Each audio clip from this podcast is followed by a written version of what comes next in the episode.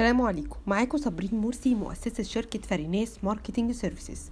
النهاردة الحلقة الخامسة من money wasters وبنتكلم على ال marketing and sales ال solo solo marketing and sales الشركات الكبيرة بيبقى دايما عندهم إدارة متخصصة لل marketing وإدارة تانية لل sales لكن طبعا في ال startups وال entrepreneur في الغالب بيبقوا واحد هو اللي بيقوم بكل الأطراف.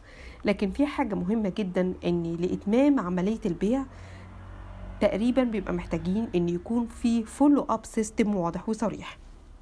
لأن معظم أو 80% من المبيعات بتتم بعد المتابعة الخامسة. فبالتالي لو عندنا marketing كويس جدا وابتدينا إن إحنا نعمل campaigns هايلة جدا لكن ما عملناش follow up مع ال leads اللي ظهرت من ال campaigns at least لغاية خامس مرة ده معناها إن إحنا بنفقد المبيعات بتاعتنا.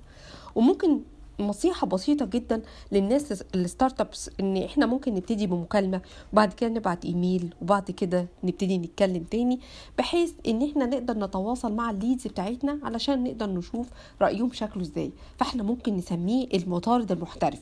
يعني ممكن نبعت ايميل نسأله هل انت محتاج اي معلومات تانية عن ال product أو ال service بتاعتنا؟ وبعد كده طب أنا هكلمك كمان يومين علشان اعرف رأيك إيه في اللي انت وصلت له. المتابعة ال follow up حاجة مهمة جدا عشان نكمل ال process بتاعت ال marketing. شكرا ليكم we are always ready to support your business. bye bye